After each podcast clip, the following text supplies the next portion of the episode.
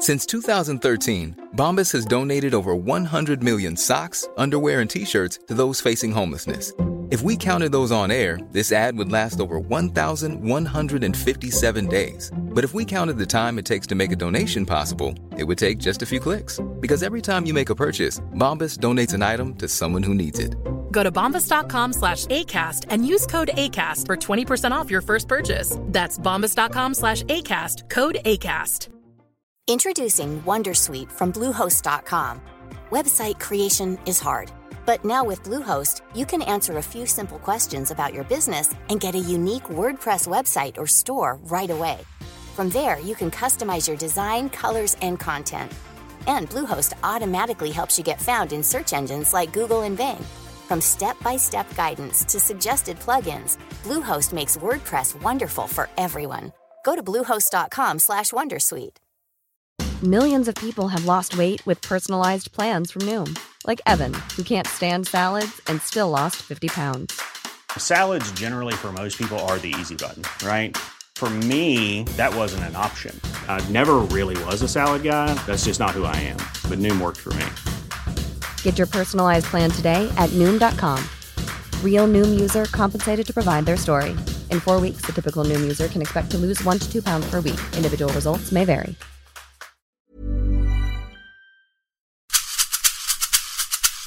Här är Karriärpodden, en podd med kvinnliga ledare och förebilder. Jag heter Eva Ekedal. I det kommande avsnittet av Karriärpodden så träffar jag Sofie Fransén som är vd och grundare av eventbyrån Eventyr. Hon blev förra året utsedd till årets vd och får ofta prata om hur hon skapar en stark kultur och ett högt medarbetarengagemang. Utöver det här ser hon också engagerad i en rad styrelser, i mentorskap och i engagemang för att hjälpa unga entreprenörer. Det långa avsnittet släpps på tisdag och då får vi verkligen lära känna Sofie ordentligt. Men innan dess så ska hon få möjlighet att ställa mig en fråga som vi diskuterar i den här korta tisen. Det här lite nya konceptet kallar vi för Fråga Eva.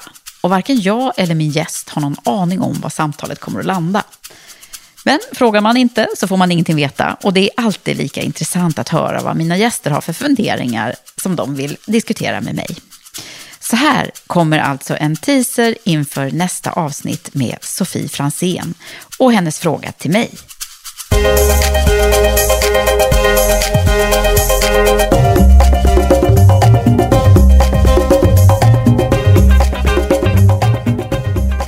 Jag känner så här, i mitt bolagsbyggande, jag har ju byggt företag sedan jag var 23 år, det är halva livet alltså. Och eh, en av de viktigaste sakerna, det är ju att omge sig med rätt personer. Personer, man anställer folk menar jag, alltså folk som kan, kan mer än sig själv på olika områden, vilket kan vara läskigt ibland, och som tillsammans bygger det starkaste företaget. Du har ju jättelång erfarenhet av rekrytering. Vad är dina nycklar för att göra de där bästa rekryteringarna? Oh, wow, vilken bra fråga till mig. Och jag har ju faktiskt eh, säkert pratat om det rätt mycket i podden mm. och på andra ställen också.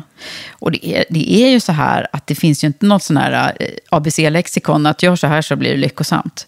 Men det finns ju några grejer som, som jag har tyckt har varit väldigt bra när man ska göra det här. Och, det, bra, och det, hand, det roliga är att det handlar ganska mycket om en själv. Okej. Okay. Alltså man tror ju så här, ja, men du, jag har min bra magkänsla och ja. säger en del. Och så ska man lita på den bara. Men man måste ha lite liksom, insikt om sig själv. För att jag har ju liksom min egen normgrupp, om man säger, när jag ska välja. Ja. Och det gäller ju att liksom inte bara välja de sådana som är för lik mig till exempel. Eller man kan ju också välja bort sådana som av, på felaktiga grunder. Därför att de påminner om någon gammal släkting som man inte gillar eller något. Det, Fast ja. det kanske inte alls handlar om det.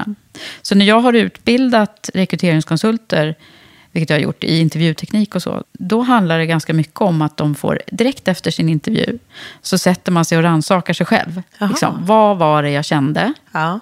De där första fyra sekunderna som man pratar Aha. om, du vet fyra sekunders regeln, ja. då känner man ju oftast någonting som bara, ja. det här är en människa jag tycker om eller inte tycker om. Typ. Men den, den, ska man ju inte, den får man ju inte döma folk på, utan den måste man liksom ja, man får ta hand om den. Så det handlar lika mycket om att de där fyra första sekunderna tyckte jag väldigt mycket om den här personen. Och då kanske det också Mm. Det kan är ju vara fel. Ah, okay. mm. Eh, ja, men det, det, det är ju i själva liksom mötet som ju är, intervjun är ju förstås en superviktig del av eh, rekryteringsprocessen. Men att man jobbar med sig själv mycket mer än vad man tror. Eh, än att ställa frågor Ja. eller så. Och lyssna förstås.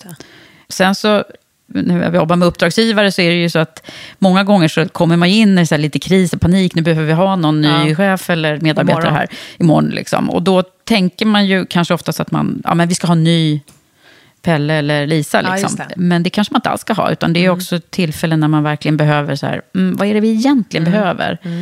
Så eh, det brukar jag liksom hejda eh, mina uppdragsgivare och man tar sig ett varv. Våga utmana också lite Ah, grann där. Ja, men är det det. verkligen, apropå det här om man ska jobba också med mer diversifierade team och så. Just det. Så det tycker jag är en bra, kravprofilen. Mm. Alltså att man är, det säger de flesta rekryteringskonsulter, att där, måste man vara noggrann. Ja. Mm. Och det tycker jag också att man ska vara. Även om man inte rekryterar via en rekryteringsfirma. Nej. Mm. Utan när man även ska göra det själv. Att, Ja. men vänta nu lite här.